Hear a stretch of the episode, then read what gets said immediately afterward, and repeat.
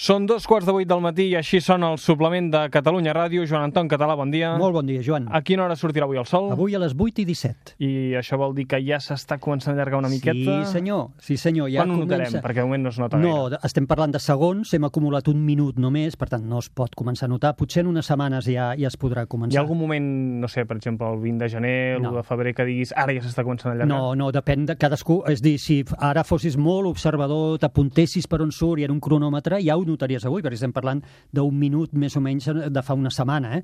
La gent, en general, no hi ha un dia que ho notis. És una cosa progressiva, De però... cop hi ha un dia que dius, ara Ah, tu, això, de cop hi ha un ara. dia que dius, ah, mira, i això pot passar d'aquí dos o tres setmanes. Три, два, один. Шагание!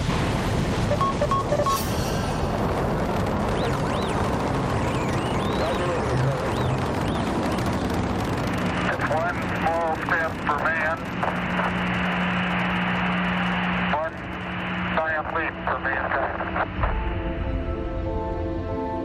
En Joan Anton Català, ja ho sabeu, és màster en astronomia i astrofísica, també és químic quàntic, és autor, per exemple, de l'assaig Retrats d'un univers sorprenent, també de la novel·la juvenil Projecte Galileu, que inclou molt contingut científic.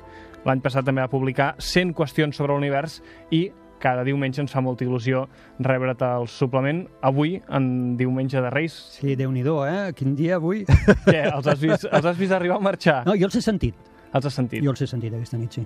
Fent què? Deixant-te coses? Sí, eh, és curiós com els reis són capaços de eh, sempre superar les expectatives que un té i arribar-te a portar coses difícils, molt, que algunes d'elles són intangibles, no? com l'amor o la felicitat, no?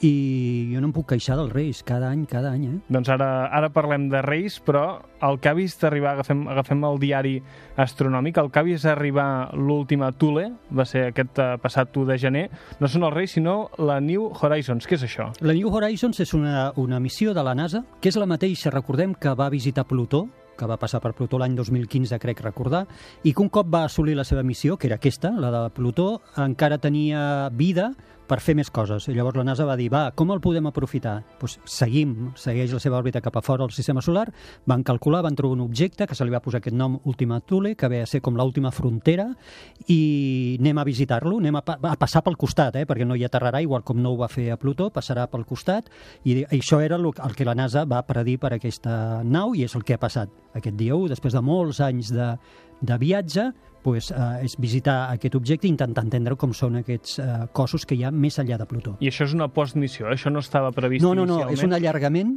un allargament de la missió i no es descarta que n'hi pogués haver encara algun altre d'allargament, perquè encara ara a la, a la sonda li poden quedar això, la NASA ha de veure, eh, i també han de veure si a la seva trajectòria s'hi creua algun altre objecte, quin és...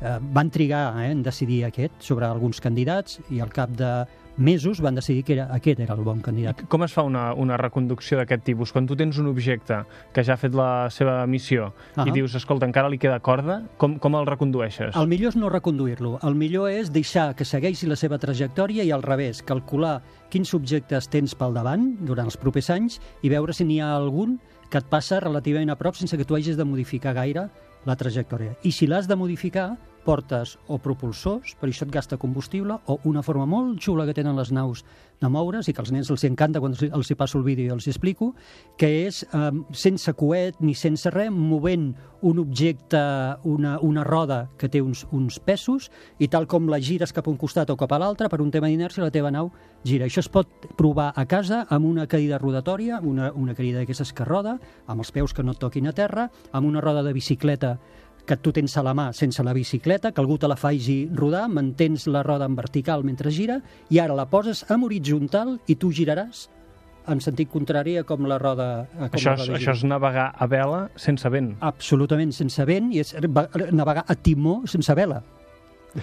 Parlàvem de, parlàvem de Reis mentre ens eh, imaginem... Eh, clar, aquí t'has d'imaginar una persona asseguda en una cadira amb una roda de bicicleta, però en realitat estàs a, a, passat Saturn. Exacte, Ah. molt lluny.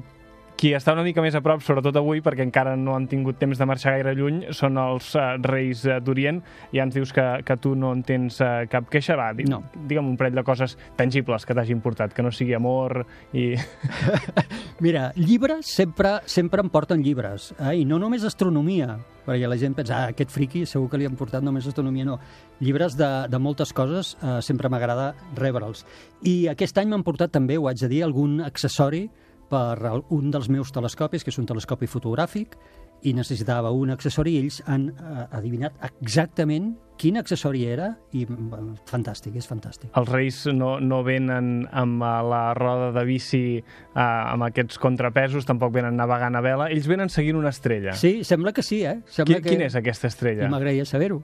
L'estrella de Nadal. L'estrella de Nadal. M'agradaria saber-ho igual que molts altres investigadors que des de fa molts anys inten intenten entendre què era aquesta estrella. Doncs avui amb en Joan Anton Català el que volem fer és descobrir què és i d'on surt aquesta misteriosa estrella que va portar els reis a portar-nos regals. Don't just sit with folded hands and become blind. Perquè, Joan Anton, ara el que fem amb l'estrella, com a molt, és posar-la a sobre de l'arbre de Nadal, però això ha de vindre d'algun lloc. Sí. Quina és aquesta estrella? A veure, jo, jo t'haig de dir que ara parlaré de coses que eh, jo d'astronomia puc parlar una mica, tampoc no gaire, no penseu, però una mica. De temes de religió i tal, la veritat és que la meva cultura no dona per parlar gaire, però t'haig de dir que per el que he pogut anar investigant i preparant el programa, eh, només hi ha un punt, sembla, a, a la Bíblia, a la- als evangelis, que parla de l'estrella de Nadal, i és l'evangeli de Sant Marc i parla d'aquesta estrella que va guiar els Reis Mags i que els va portar primer cap a Jerusalem i després els va portar cap a Betlem. Però només és en aquesta, en aquesta part de l'Evangeli de, de Sant Marc i, curiosament, no apareix amb els demés evangelis. Això els investigadors en parlen com una cosa que és sorprenent, eh? que només un dels evangelis en parli d'això. Clar, entenc que això, abans que quedés fixat en un, en un text religiós, la llegenda ha de sortir d'alguna banda. Uh, clar, la, aquí la cosa és anem a fer una, mm, una aposta i anem a dir, va, això va passar. I per tant, hi va haver alguna cosa en el cel que va fer que Sant Marc escrivís això i que després se'n parlés. Vale? I el que podem fer en el programa és, anem a suposar que això va existir i anem a veure quines eren les causes que podien haver eh, estat, no? que podien haver provocat aquesta, aquest esdeveniment en el cel. Clar, perquè si aconseguim fer això, tindrem una acotació temporal, més o menys, podré... sabem que més o menys aquesta estrella obligatòriament va haver de passar, o el fenomen va, haver- va haver de passar Mhm. fa 2.000 anys. Exacte, exacte. El que passa que, clar, necessitem un marge per intentar entendre el que és, necessitem acotar el, el moment en que va passar. Ara qui ens escolta i pot dir, ah, no, no, però si és molt fàcil. Justament 2.000 anys, el dia 25 de desembre de l'any 1, no? Eh, sabem que no. És dir, sabem també per les escriptures de, dels evangelis i d'altres escriptures que hi ha, que en, aquesta no va ser la data, perquè la data de naixement de Crist se situa, la situen, eh, durant el regnat del rei Herodes. I Herodes va morir a l'any 4 abans de Crist. Un moment, para la música.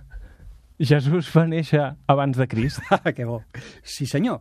Uh, no ho dic jo, eh? Ho diuen els... Però té, té tota la lògica, és dir... No, no, no, Herodes- no té cap lògica. Uh, bueno, no, direm, des del punt de vista de la, del nom, no. Des del punt de vista del que hi ha al darrere, sí. Herodes va, eh, va morir a l'any 4 abans de Crist I Crist ja hi era. i Crist ja hi era. Per tant, eh, els autors... Escolta, això sí que és un miracle. Sí, exacte. Els autors que en coneixen d'això situen la data de naixement de Crist en un rang mm, incert que va des del 5 al 7 abans de Crist, del 5 al 7, per tant, bastant incert. La convenció del 25 de desembre de l'any 1 és una convenció molt posterior, eh? eh vaig veure que era del segle VI, on es va dir, va, anem a fixar per convenció una data i la van fer a partir de l'estudi de la Fundació de Roma. Van agafar, però vull dir, no té, no té relació directa amb, amb la data. A més, hi ha coses que també sorprenen, no? El fet de, que se'ns explica que els pastors eren fora amb les ovelles, i això al territori d'Israel, de, del, del, de l'Eix Mitjà, eh, això no es, pot, no es produeix habitualment en desembre, el, es produeix a, les, prim- a la primavera. Per tant, sí que hi ha coses que no quadren, però la, la màxima és la del rei Herodes, que és la que, per tant, ja ens situa una quota màxima, que és l'any 4 abans de Crist, i, per tant, tirant cap arrere, mirant altres coses, els estudiosos del tema situarien aquesta data de naixement de Jesucrist entre el 5 i el 7. I a tu et quadraria que entre aquest 5 i 7 abans de Crist en lloc d'una estrella hagués passat un cometa? Per exemple, aquesta, aquesta seria la primera gran explicació. Anem a suposar cometes. Com que els cometes han anat apareguent al llarg de tota la història de, de la humanitat i eh, s'han pres registres, el que hem fet els estudiosos és anar a buscar registres. I els registres els han anat a buscar a la cultura xinesa, uh -huh. que eren grans observadors del cel i ho van enregistrar perquè ven tot, des de l'antiguitat, molts cometes. I no n'hi ha cap exactament eh, en, els anys, en, en els anys aquests, eh, entre el 6 i el 7, però sí que n'hi ha un a l'any 5 abans de Crist, que per tant estaria com en el límit d'aquesta gran estimació que et deia abans que fan entre el 5 i el 7, doncs el 5 sembla que sí que van documentar el pas d'un cometa molt brillant en el cel. Per tant, aquí tenim una pista que després, si vol, recuperarem, perquè veurem que es pot construir com un relat una mica més global, i tenim un possible cometa a l'any 5 abans de Crist que va ser documentat pels xinesos i que, per tant, segurament va, es va poder veure. Podria ser un cometa o podria ser alguna altra cosa? Quina? Per exemple, podria haver estat també una explosió de supernoves, que n'hem parlat alguna vegada també en el programa, que recordem que són les morts explosives d'estrelles molt massives, eh, que de vegades es veuen eh, en el nostre cel. És un, un esdeveniment molt rar per això, és molt, molt estrany. Eh, I també s'han anat a veure els registres dels xinesos i no hi ha, durant aquests anys, cap eh, registre que pugui quadrar històric, que pugui quadrar amb aquestes dates. Per tant, entre que és un esdeveniment especialment rar, molt, molt rar, i que els xinesos tampoc no la van enregistrar, seria una possibilitat que en principi hauríem de descartar. Si t'haguessis de mullar, Aniríem a la tercera qüestió, que és la de conjunció de planetes. I doncs, eh, Joan Anton, què és una conjunció de planetes? Val, mira, la conjunció de planetes en diem quan eh, hi ha una definició científica, que no hi entraré perquè ara no ens interessa tant la definició científica, sinó la més tradicional, i és quan visualment veiem varis planetes molt juntets en el cel, per un efecte purament de perspectiva. No és que els planetes s'ajuntin, sinó els veiem junts en el nostre cel. Eh, això passa constantment, però hi ha vegades eh, molt ocasionals, però molt espectaculars, en què els planetes que s'ajunten són especialment brillants i s'ajunten molt junts, molt junts, de forma que poden arribar, en alguns casos històrics que coneixem, a ser difícilment fins i tot separables per l'ull, i això ja és una, un esdeveniment super estrany, no? Per exemple, Venus i Júpiter són els dos planetes que més brillen, en permís de Mart, que algunes vegades arriba a brillar més que Júpiter, que més brillen en el nostre cel, a part de la Lluna, lògicament, i del Sol, i, i podria ser, per exemple, que una conjunció de Venus i de Júpiter hagués estat tan propera i, per tant, la suma de la llum tan brillant que hagués estat espectacular la seva visió en el cel. El que passa que quan anem a mirar això també amb els registres, aquest cop ja no dels xinesos, sinó anem a fer simulacions astronòmiques de com era el cel durant aquells anys, no veiem cap conjunció entre Venus i Júpiter durant aquests anys. Sí que n'hi va haver després, però no eh, justament en aquest marge d'anys. Per tant, diem, val, no van ser eh, Júpiter i Venus. Però podrien haver estat altres els planetes? I sí. Llavors, curiosament, es troben tres conjuncions entre Júpiter i Saturn a l'any 7 abans de Crist. Conjuncions seguides, durant el mateix any, tres vegades. Júpiter i Saturn molt propers al cel. Júpiter, com et deia, és molt brillant, Saturn no ho és gens, però curiosament Saturn sembla que té un cert significat esotèric, eh, misteriós, eh, màgic, per les cultures antigues.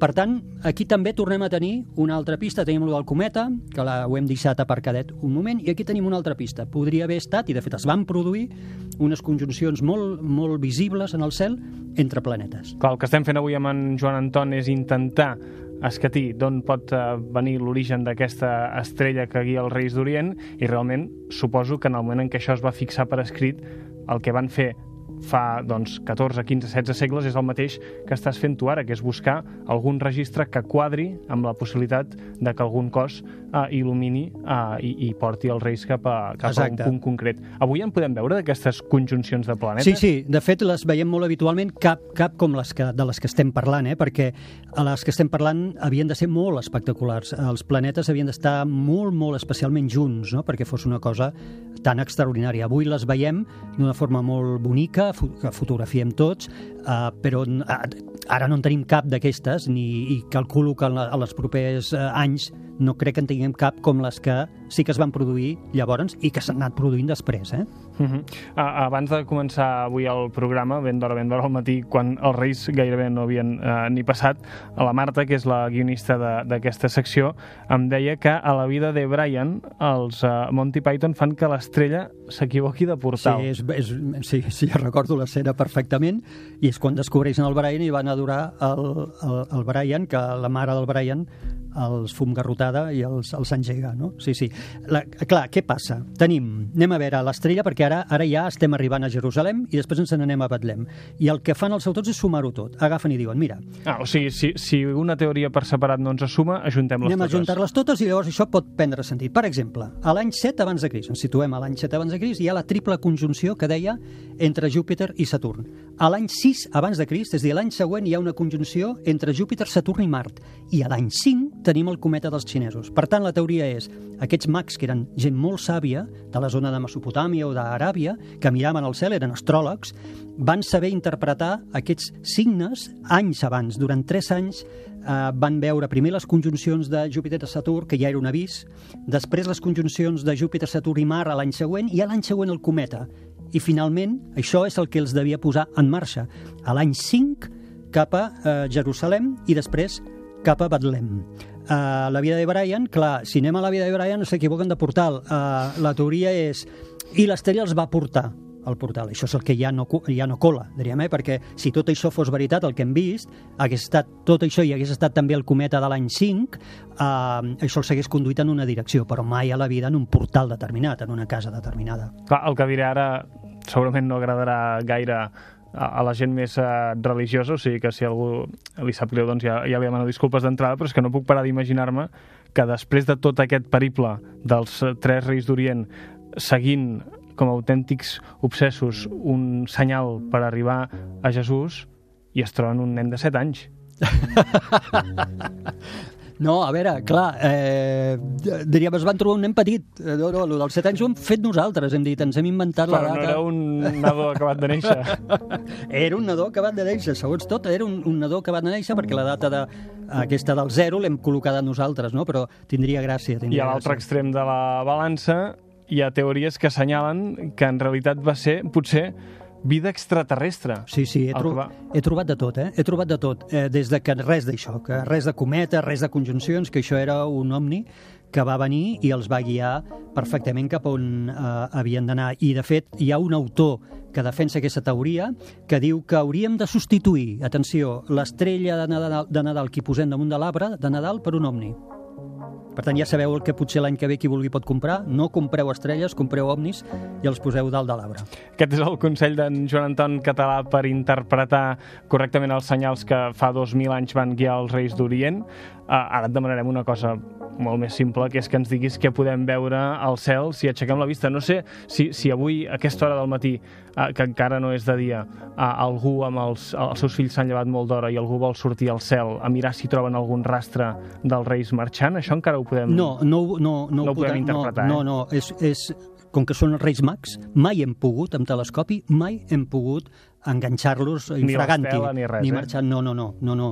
Aquesta gent és increïble, no sé com ho fa, però eh, diríem, tots els mecanismes que tenim de control se'ls salten, no podem mai, hi ha cap possibilitat de que els puguem enganxar doncs infraganti. Digue'm, digue'm coses que sí que podem uh, veure al Va. cel aquests dies. Una cosa molt xula, em, em vaig parlar la setmana passada, deia hi havia dues estrelles brillants ataronjades en el cel, i ara em parlaria només d'una, es diu Betelgeuse, que està a la constel·lació d'Orió. La constel·lació d'Orió és molt fàcil de veure. T'haig de dir, Joan, que el Roger, quan li dic aquestes coses, sempre em diu que ell no, la, no aconsegueix veure res del que jo a mi la li explico. jo, no és broma, m'encanta. Bueno, és, Ah, la- això, la granja d'hivern. Per, no? Sí, sí, home, doncs és mira, molt fàcil de veure el Roger, cel. escolta això. Veus, el Joan, el Joan ho pot veure.